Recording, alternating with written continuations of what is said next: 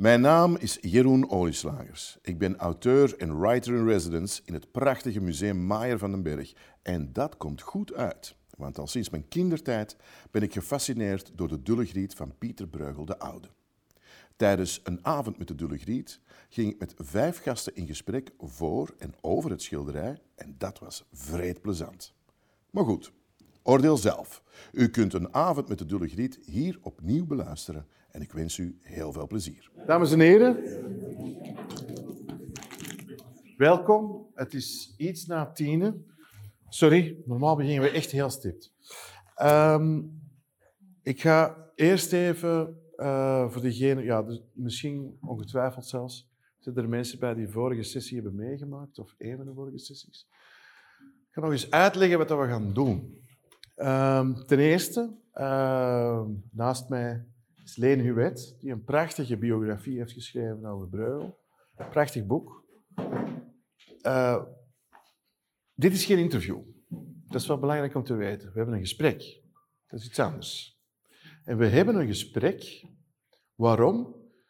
Uh, niet omdat ik er wilde van onderuit muizen om mij terdege te informeren en na te denken en vragen op te stellen, dat soort dingen. Dat is een gebruikelijk interview. Nee, wat mij interesseert is de relatie tussen de schilder en de opdrachtgever. We weten niet wie de Dullegriet, we, kennen de opdrachtgever niet van de Dullegriet. Je hebt er een uh, these ook over, denk ik, enigszins. Maar kunnen we, daar kunnen we het over hebben. Maar in ieder geval, um, we weten niet wie de opdrachtgever is. Wat ik mij voorstel, is dat die opdrachtgever en die kunstenaar op een bepaald moment een gesprek hebben gehad. En dat moet een heel interessant gesprek geweest zijn.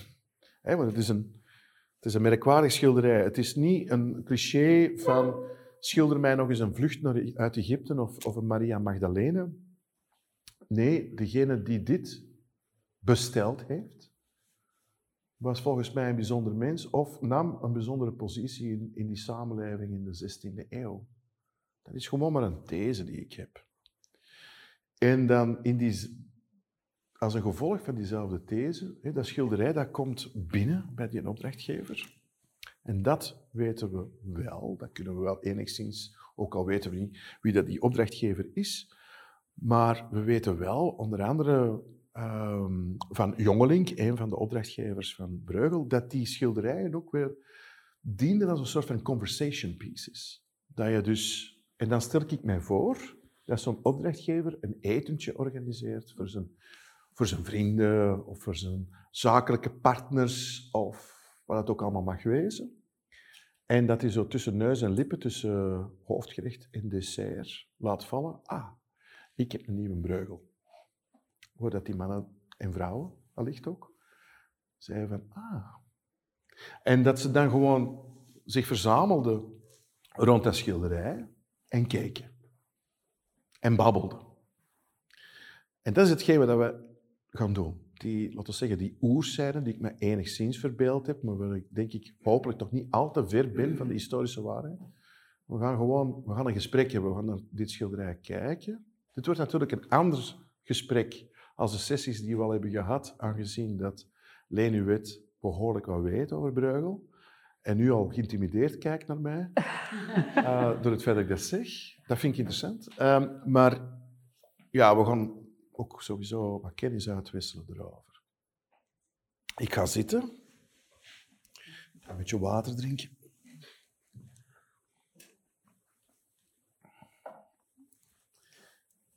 En ik, ga, ik heb wel een openingsvraag. -hmm. Daar heb ik wel over nagedacht. Dit schilderij is gerestaureerd. Livia de Puit heeft hier anderhalf jaar aan gewerkt. Dus één vrouw die gerestaureerd heeft, wat trouwens op een of andere manier wel klopt bij Breugel, omdat we weten dat Breugel de enige was die aan die werk, hè, dat, dat kunnen we gewoon zelfs wetenschappelijk vaststellen. Er is nooit een andere hand geweest ja, dat werk. En toen waren er natuurlijk wel ateliers. We associëren ateliers met Rubens uiteraard, maar inderdaad waren in de 16e eeuw ook ateliers. Goed. Dit schilderij is dus gerestaureerd geweest, is onderzocht geweest. En dan plotseling komen we te weten dat dit een schilderij is uit 1563.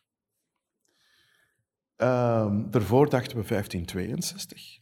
Of en, 61. En 61. En 61, hè, dat die twee. Maar we weten nu vrij pertinent dat het 1563 is. Maar dat wist jij niet, natuurlijk, toen jij die biografie van Breugel schreef. Dus mijn vraag nu is, heeft dat implicaties voor de manier waarop dat je naar dit schilderij kijkt? want die 1563, dat zeg ik gewoon even, dat is eigenlijk wel een heel interessante datum in de biografie van Bruegel. Want Bruegel vertrekt in dat jaar naar Brussel, zodat die Brusselaars nu denken van eigenlijk is dat schilderij van ons. Hè. Want is... Ze zijn misschien wat voorbarig. Ze zijn wat voorbarig. Hè. Maar in ieder geval er is een soort van nogal onnozele discussie ontstaan. van, is er een Brusselse Breugel en een Antwerpse Breugel? Wat ik echt... Ik denk, oké, hij is verhuisd naar Brussel. Hij heeft daar zeker zijn atelierruimte. Maar wat verhindert hem om ook nog een atelier te hebben gehad in Antwerpen, waar dat er ook gewoon een heleboel van zijn opdrachtgevers hebben gezeten. Ik bedoel, dat lijkt mij niet zo... En dus de Antwerpse breugel en de Brusselse breugel lijkt mij een hele vreemde, vreemde distinctie. Maar mijn vraag is eigenlijk 1563 en de Dullegriet. Verschuift er iets? Wel, uh, voor mij niet direct. Ik heb in mijn boek een hypothese ontwikkeld over Dullegriet. Uh, het boek opent ook met een hoofdstuk over Dullegriet. Dus Dullegriet is in mijn boek, in mijn biografie van Breugel, ook heel belangrijk. En natuurlijk, eerst dacht ik 1561, hè, dat is de algemeen aanvaarde datering, dat is wat men kan lezen. Uh, wat gebeurt er dan in Antwerpen? Uh, dan heb je eigenlijk het grootste cultureel festival ooit in Antwerpen. De zomer van Antwerpen, maar dan heel groot. Ja, echt onovertroffen het uh, landjuweel van de rederijkerskamers. Hm. Dus alle Brabantse rederijkers komen naar Antwerpen, voeren toneelstukken op, hopen de prijs te winnen. En die teksten van die toneelstukken zijn voor het grootste deel bewaard. Dus je kunt dat allemaal nalezen. En hier en daar in die toneelstukken wordt er een griet vermeld of een woeste griet of een dulle griet. En uh, een heel aantal van die toneelstukken gaat ook over mannen die onder de pantoffel liggen bij woeste vrouwen. Woeste vrouwen. Dus uh, dat was een mooi aanknopingspunt. Mm. En uh, toen de restauratie bezig was, ben ik uitgenodigd in het KIK in Brussel. En toen zeiden ze tegen mij, we've got a surprise for you. Er is een nieuwe datum. En het schilderij was in de eerste fase van restauratie, dus ik dacht dat komt nooit meer goed. Ja, het schilderij dat, gerestaureerd wordt, dat is een ruïne. Ja, absoluut. En wat we nu zien is iets fantastisch. Delen zijn ook gereconstrueerd op basis van een grote tekening uit de 17e eeuw in Düsseldorf enzovoort. Maar dat jaar 1563 is inderdaad wel een belangrijk jaar in Breugel zijn leven. Hij trouwt. Hij trouwt met de juiste vrouw, uh, namelijk de dochter van zijn vroegere leermeester. En dat is, sociologisch gezien, de ideale zet. Hij trouwt en er is het roddelverhaal dat zijn schoonmoeder in Spee zegt, Breugel, wij verblijven meestal in Brussel, kom daar ook maar naartoe. Want er loopt nog een oud lief van u rond in Antwerpen en die moet je niet meer te veel zien. Hè? Uit het oog. Dat is hetgeen wat Karel van Maander zegt in ja. het schilderboek, ja. in de 17e eeuw. Uh, en daar zijn heel veel auteurs ook op doorgegaan, want dat is een van de weinige romantische verhalen over Breugel die we kennen. Maar eigenlijk is het gek, is het gek dat Breugel naar Brussel verhuist. Hmm. Want Brussel was helemaal geen kunststad. Alles wat met kunst te maken had, gebeurde toch eigenlijk in Antwerpen. In Brussel waren er wat kunstenaars actief. Enkele meesters die misschien voor hun eigen plezier schilderden. Lucas Gassel van Helmond, een goede landschapsschilder wel, maar die produceerde niet veel en die had waarschijnlijk ook het geld niet nodig. En dan had je verder een aantal schilders, decorateurs, die bijvoorbeeld de zalen van het paleis op de Koudenberg herschilderden als er een feest was. Verder was daar voor Breugel totaal geen concurrentie. Mhm. Dus hij kan daar wel naartoe gegaan zijn met het idee, als ik naar Brussel ga, heb ik het Rijk voor mij alleen. En die oude tegenstelling, Antwerpen-Brussel, Antwerpen de rijke stad, de kunststad, Brussel de politieke stad. Die tegenstelling bestaat eigenlijk nog altijd, hè, Mhm. vandaag ook. In Brussel zat het Hof, in Brussel zat de man achter de troon, zou je kunnen zeggen. De man die eigenlijk de onervaren landvoogdes, Margaretha van Parma, moest leiden op eh, verzoek van de koning, de halfbroer van Margaretha van Parma. En dat is eh, Philips II. eh, ja, maar de man achter de troon is uh, bisschop en later kardinaal uh, Granvelle, Antoine Perrenot de Granvelle. En die heeft trouwens een heel aantal schilderijen bij Breugel besteld. Is dit gemaakt voor een Antwerpse verzamelaar of een Brusselse? Misschien gaan we nooit met zekerheid kunnen antwoorden. Uh, nu, het merendeel van Breugels klanten zat toch in Brussel. Mm. En ik heb een uh, idee, uh, technisch, dat de meeste schilderijen met goed weer geschilderd werden. In de zomer, vroege zomer. Bruegel is in uh, eind augustus getrouwd en naar Brussel verhuisd wellicht. Dus het zou kunnen dat Jules Griet nog helemaal in Antwerpen geschilderd is. Nu, ik dacht, Leen, een biografie schrijven is toch nog wat meer dan eventjes een stand van zaken geven. Hè? Mm. Zoals de Britten zeggen, in for a penny, in for a pound. Steek uw nek uit. Die dulle griet waar duizend theorieën over bestaan, probeer zelf ook iets uh, sluitends te bedenken. En uh, ik heb me gebaseerd op de eerste brief die Frits Meijer van den Berg over dit schilderij geschreven heeft, want hij is ook een eigenaar geweest bij wie het schilderij toekwam uit Keulen. Hij heeft het Mhm. uitgepakt en voor de eerste keer gezien. Hij heeft het gekocht zonder het gezien te Mhm. hebben. Uh, en Frits schrijft ergens, dus de hoofdpersoon is ongeveer 47 centimeter groot, centraal, die vrouw. En dan heb je nog die, die andere figuur op het dak, die zal ongeveer ook even groot zijn. En dan nog een aantal kleine vrouwtjes daarachter van ongeveer 10 centimeter hoog. Dus hij heeft er, lijkt het, bijna een meetlat tegengelegd. En ik dacht, dat is wel interessant, want inderdaad, daar zijn verschillen in grootte tussen Griet en die andere vrouwen die in de hel aan het roven zijn. Is dat een perspectieftruc of betekent dat iets? En toen ik in opleiding was als kunsthistoricus, kregen wij les uh, iconologie en iconografie. Hoe interpreteer je schilderijen? Wat staat daarop? Zeker bij oude schilderijen is dat dikwijls moeilijk, omdat wij niet meer in die wereld leven. En een van de grootste iconologen was Erwin Panofsky. Dat echt een boegbeeld. Hè. Hoe interpreteer je Jan van Eyck bijvoorbeeld? Arnolfini. En, um... en Panofsky zocht altijd naar heel obscure, geleerde teksten uit de tijd zelf, die dan een licht werpen op het schilderij. En dat is een goede methode. Maar dan heb je dus al een kunstenaar nodig die ofwel zelf heel veel weet en leest, of die alle informatie aangereikt krijgt van Dus, een, uh, een hebt adviseur. intellectueel nodig als schilder. Ja, nu bij Van Eyck had je dat ook. Hè. Mhm. Maar ehm, er is nog iets anders dat je kunt onderzoeken. Niet alleen de meest zeldzame, obscure teksten die ook in die tijd heel weinig mensen kenden. Er is ook het dagelijks leven van die tijd. Dat is voor ons ook grotendeels verdwenen. En wat wij dikwijls niet goed weten, dat is wat is vanzelfsprekend voor mensen in Breugels tijd? Mhm. Wat zien zij in dat schilderij onmiddellijk dat wij niet opmerken? Wat voor hen bizar is, bijvoorbeeld. En zo'n typisch element zijn dan. eh, ja, Karel van Mander schrijft over Dulle Griet. Het is een, eh, een dwaas uitziend mens. Ze is op haar schots gekleed, dus ze is eigenlijk ja, als een krankzinnige aangekleed. Schots en scheef toegemaakt. Ja. En uh, ja, Griet draagt een allegaartje.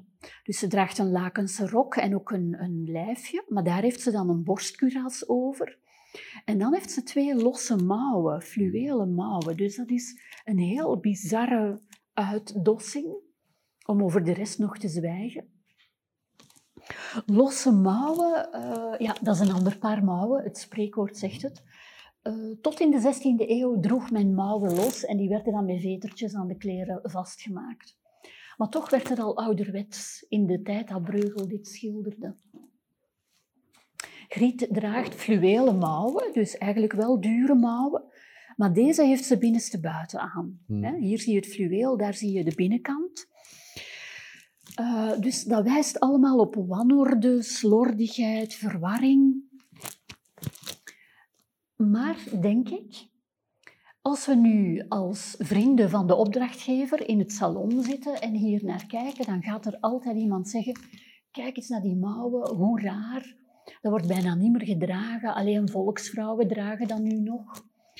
Um, die ene mouw zit ook al extra verkeerd. Er is toch wel een bekend schilderij, mensen. Een heel bekend schilderij van 100 jaar geleden, waar ook zo'n vrouw op staat, met de mouwen half los. En dan zitten we eigenlijk in uh, ja, wat men toen ook al kende als de kanon van onze kunstgeschiedenis, het grootschilderij van Rogier van der Weijden in Leuven. De graflegging van Christus hangt nu in het Prado. Dus dat is ook een, ja, een bizarre voorstelling. Het lijkt alsof iedereen in een houten kist staat.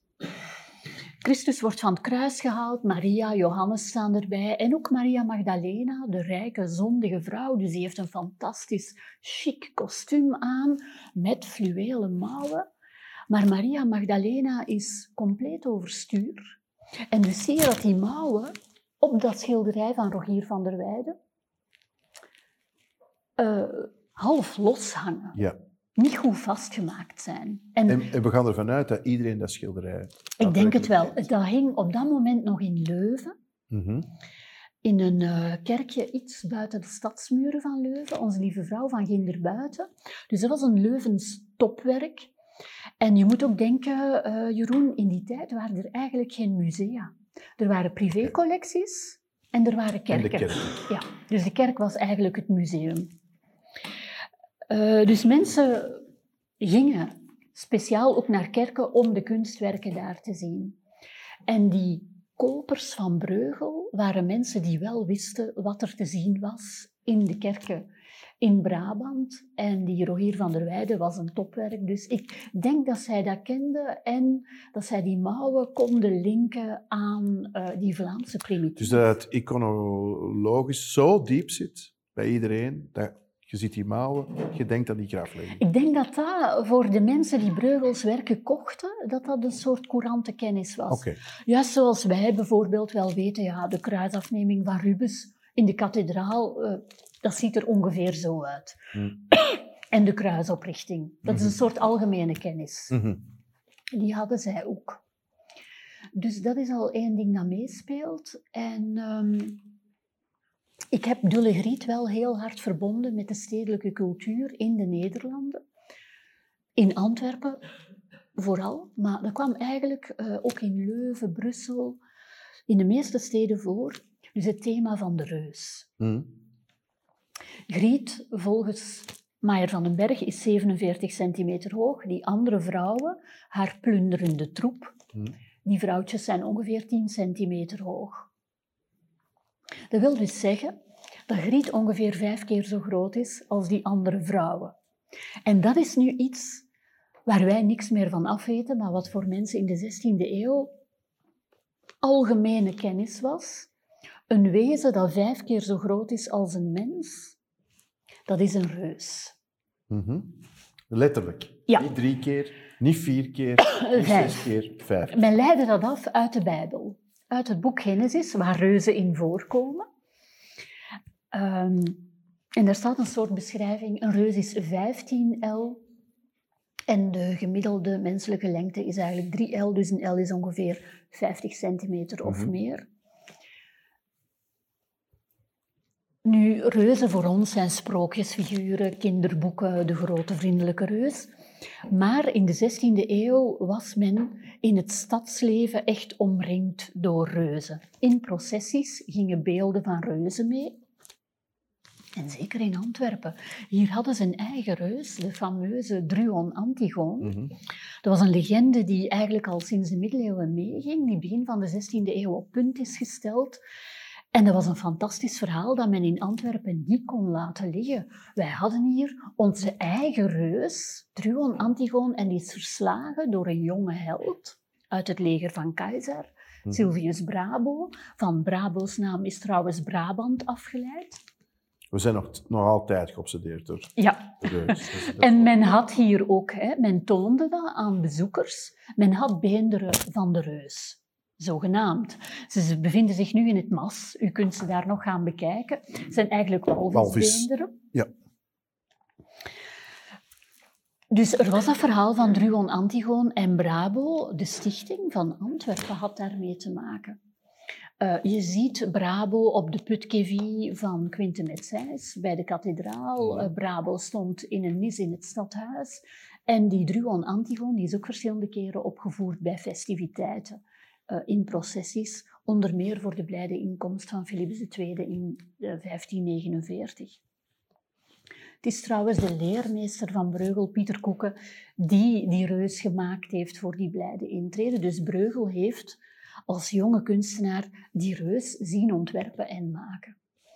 Kortom, reuzen in de legendes over de stad, reuzen in de processies, de ommegang. eh, de heilige Christoffel ging dikwijls mee als figuur, was een reus. Hmm. Goliath, die David eh, als tegenstander had gehad, eh, liep ook mee.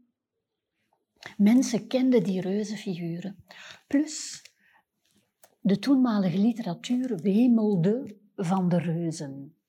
Met als bekendste voorbeelden eh, ja, de Franse schrijver Rabelais, Gargantua, Mhm. Pantagruel, spreekwoordelijke reuzen. En die verhalen waren hier ook bekend. Eh, die werden dikwijls eh, voorgelezen met carnaval bijvoorbeeld. Men vond dat komische literatuur. Eh, Edward de Dene, een befaamde rederijker van toen, die heeft trouwens ook echt gealludeerd op die boeken van Rabelais in een aantal gedichten. Dus dan weten we dat mensen dat kenden. Kortom, het wemelde van de reuzen in de literatuur, in het stadsleven, in de stadsmythologie. En dan zie je in dit schilderij een vrouw die vijf keer zo groot is als de andere vrouwen, die dus een reus is. Reusachtige gestalte. En ik denk, ja, Breugel heeft uiteraard eh, die processies gezien, die reus Druon Antigoon die zijn meester gemaakt heeft. Hij kende al die verhalen, maar hij speelt daarmee. En hij is eigenlijk de enige met dit schilderij over de hel die een vrouwelijke reus als hoofdpersoon weergeeft. Mhm. Want bij Rabelais heb je dat ook wel. Dus zijn hoofdpersonen, Gargantua, Pantagruel, ja, die zijn geboren uit reuzinnen, dus vrouwelijke reuzen. Maar die moeders spelen verder geen enkele rol. Die sterven kort na de geboorte. Ja. Of, hè, en het gaat over die twee, vader en zoon. Maar goed, reuzen planten zich voort zoals mensen, dus er waren vrouwelijke reuzen. En eh, ik vond het idee wel mooi dat Breugel hier eh, dat thema van de reus eigenlijk vervrouwelijkt, wat heel origineel is. Maar het past ook bij heel dat idee van de hel.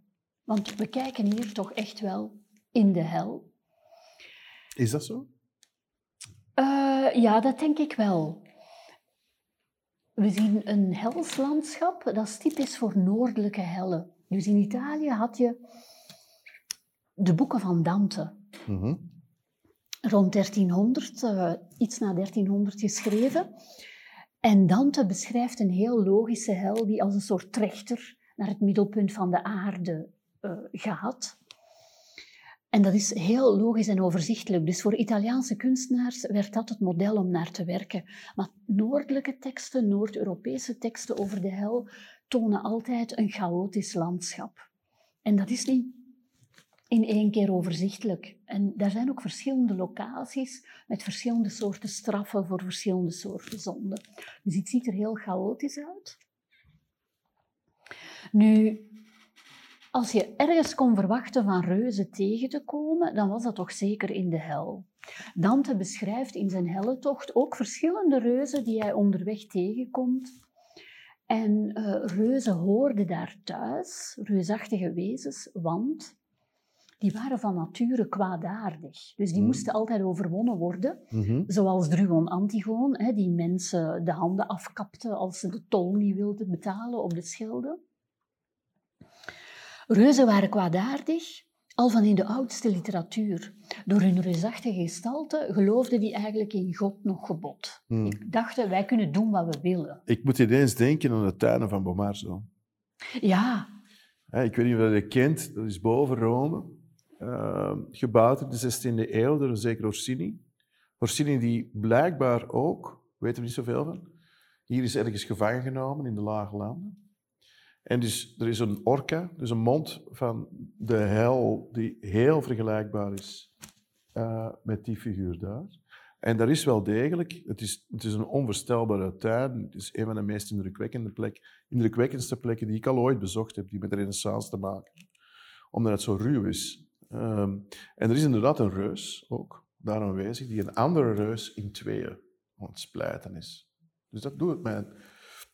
Sorry, ik was er opnieuw... mensen waren gek op reuzen, maar ze waren ook allemaal vertrouwd met dat thema. Hmm. Dus eh, reuzen vind je in de Bijbel, vanaf het boek Genesis. Er staat een heel raar vers in Genesis van eh, de zonen van God eh, hadden omgang met de dochters van de mensen en daar kwamen dus reuzen uit Hmm. voort. Wat staat dat vers daar te doen? Wat betekent dat? Dat is heel mysterieus. Maar daarna komt de zondvloed en men meende dan dat de meeste reuzen verdronken waren in de Mhm. zondvloed als zondige wezens. Echter, sommige reuzen waren zo groot dat zij de zondvloed mogelijk overleefd hadden en uitgezwermd zijn. Maar ja, ook in de klassieke literatuur, bij Homeros, eh, Odysseus komt een cycloop tegen op eh, Sicilië. Dus dat is ook een reus met één oog. En hij moet die, hè, dat is zo'n brute, domme kracht die meteen eh, iedereen tot slaaf maakt en wil doden. En Odysseus kan die verslaan dankzij zijn slimheid, zijn listigheid. Dus voor een mens die een beetje culturele bagage had in de 16e eeuw, ah ja, reuzen, ja, die staan in de Bijbel, dus die hebben bestaan. En ze komen ook voor in de klassieke Griekse literatuur, dus iedereen, ah ja, reuzen. Mhm. Ik denk dat eh, dat een thema was waar men mee kon spelen. En een reus in de hel zien, want je hebt natuurlijk ook deze figuur. Hè? Die, is- Mhm. die, ja, die zit op de nok van het dak. Eh, men verwachtte eigenlijk, als men een helstafereel zag met veel rook en gloed en branden, ja, dan was het bijna logisch dat je daar een reus in zou tegenkomen. Reuzen waren ook in die ommegangen eigenlijk de brute krachten die de mens moest overwinnen om een beschaafde maatschappij te kunnen De inrichten. vertegenwoordigers van de oude wereld, de wereld Ja. waar dat de beschaving nog niet is uh, opgetreden.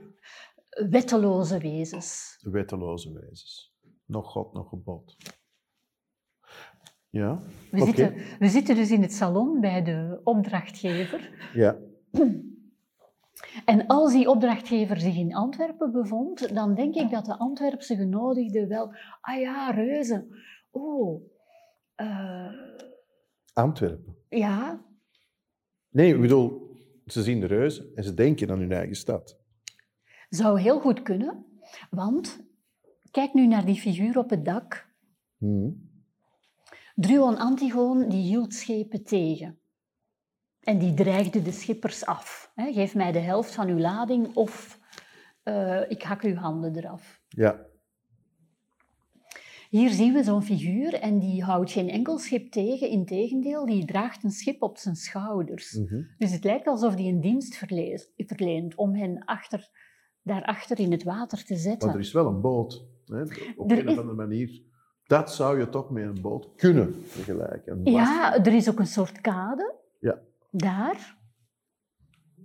Breugel heeft eigenlijk met heel weinig middelen enkele muurtjes. Ja. Het idee van een soort stad Stad aan in een rivier. brand. Ja, En aan een rivier. Ja. Maar die reus op, of die figuur op het dak, zijn been is zo lang als de nok van het dak. Hij tilt een schip op. Ja, als Antwerpenaar denk je dan misschien toch Druon Antigoon, uh, reus, rivier, schip. Narrenschip. Ja. Hey, want er is toch ook op dat moment is heel het idee van het narrenschip, waar dat Foucault zo over geschreven heeft. Hè.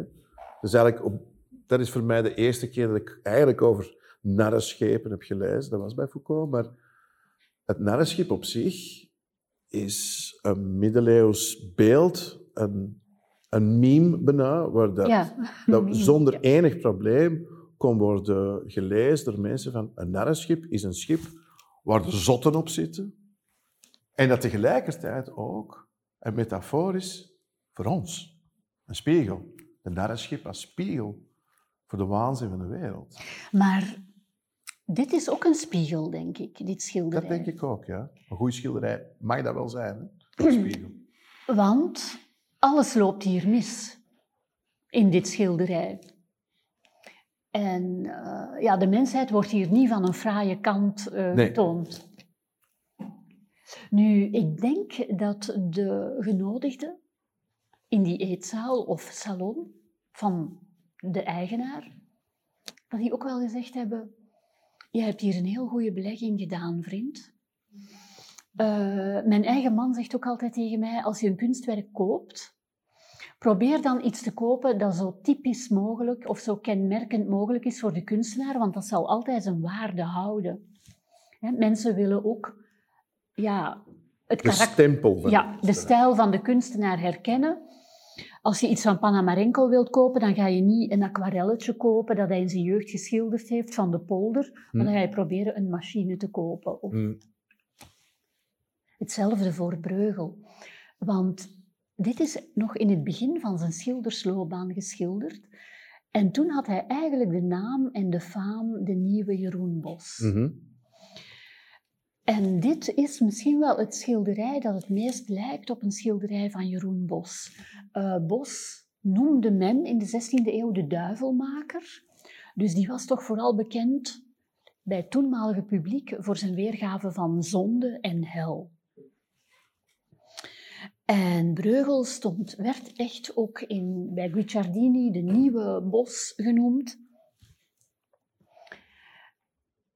En als je dit koopt, dan heb je dus een werk van de nieuwe Bosch, Breugel. Dus dan heb je een schot in de roos uh, ja. geschoten. Je hebt echt het meest typische werk van die nieuwe... Want daarna maakt hij zo, zulke schilderijen. Hè, er is een voor, de deugden, de ondeugden, de hele Bosjaanse prenten die Breugel maakt voor Hieronymus Kok. Er is zeker een voor, maar er is geen na in zijn oeuvre. Nee. er is geen bij mijn weten geen enkel schilderij dat zelfs maar in de buurt komt van hetgeen wat hij hier doet. Je ziet geen Bosjaanse figuren daarna. Het, je voelt echt dat het een soort van eindpunt is op een of andere manier in een carrière. Misschien zelfs onderdeel van een eindpunt. Dus je hebt drie schilderijen van Breugel die alle drie hetzelfde formaat hebben. Je hebt deze Dulle Griet, je hebt de val van de opstandige engelen in Brussel en je hebt de triomf van de dood. Prado. Ik noem dat Breugels een duistere trilogie. Mhm. Die zijn wellicht in dezelfde jaren geschilderd. Dat zijn toch drie heel duistere schilderijen? Zeker.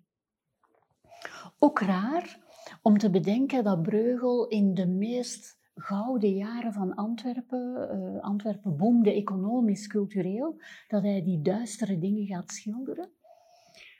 Ehm, en daarna verandert inderdaad zijn stijl. Dan komen de sneeuwlandschappen en dan komen de boeren. Dan komen de boeren. Ja, en dan... De boerenbreugel, hè, die zo in de... Ik heb een... Uh, Leen, ik heb een heel specifieke vraag voor u. Ik vind het heel fascinerend, heel hoe dat je er naar kijkt.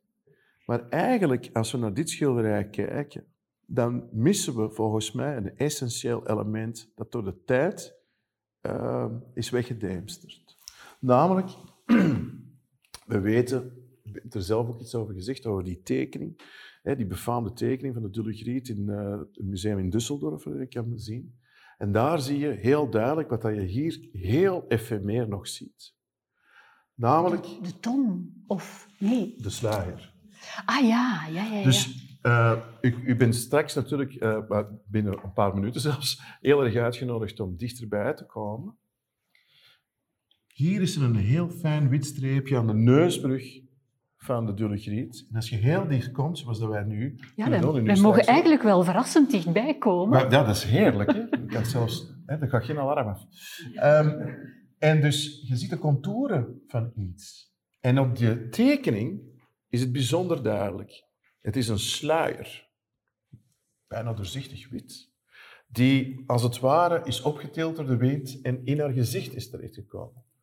Dus we zitten eigenlijk te kijken naar een dulle griet met een gesluierde blik. En daar wil ik u graag nog iets over horen zeggen. Hoe zie je dat? Die gesluierde blik, die reuzin met die gesluierde blik. Het zien sowieso bij Breugel is een belangrijk thema. Zien we wat we zien? Wat is het verschil tussen hoofdzaak en detail? Daar wijst hij ons voortdurend op. Kijken we wel? Dat maakt hij ons de hele tijd duidelijk.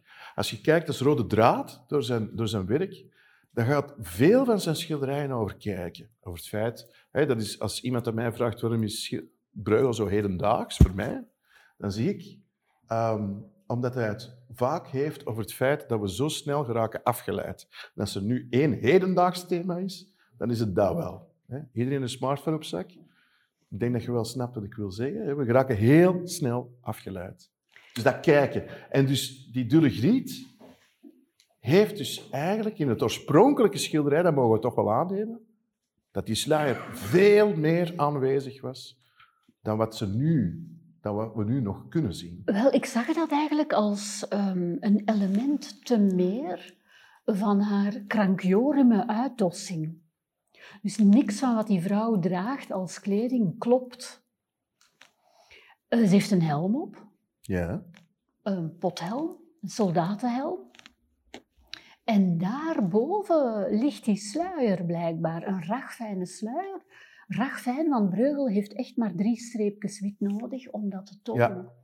Dus uh, inderdaad, die sluier hangt een beetje voor haar ogen, maar ik denk dat die zeer licht en fijn is.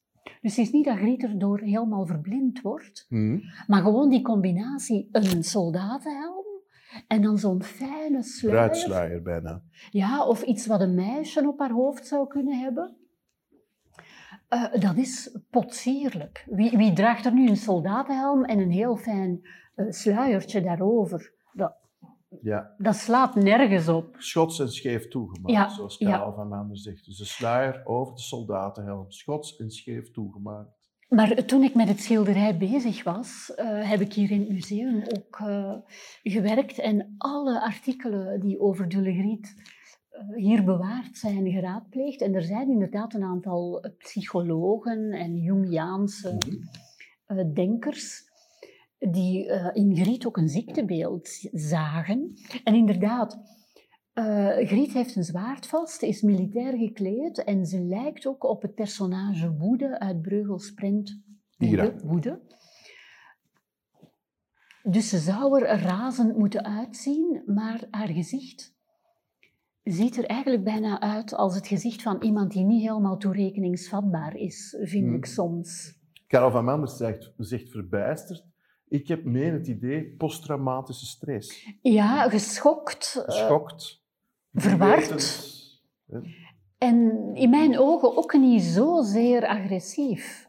Nee. Als je lang naar dat profiel kijkt, zou je bijna medelijden krijgen met, uh, met haar. Want inderdaad. Um, dat vind ik fascinerend. Het is alsof ze ook een beetje in het wilde weg vooruitstormt, maar geen duidelijke kant. Pascal Platel zei exact hetzelfde. Dames en heren, Leen Uwet, dank u wel.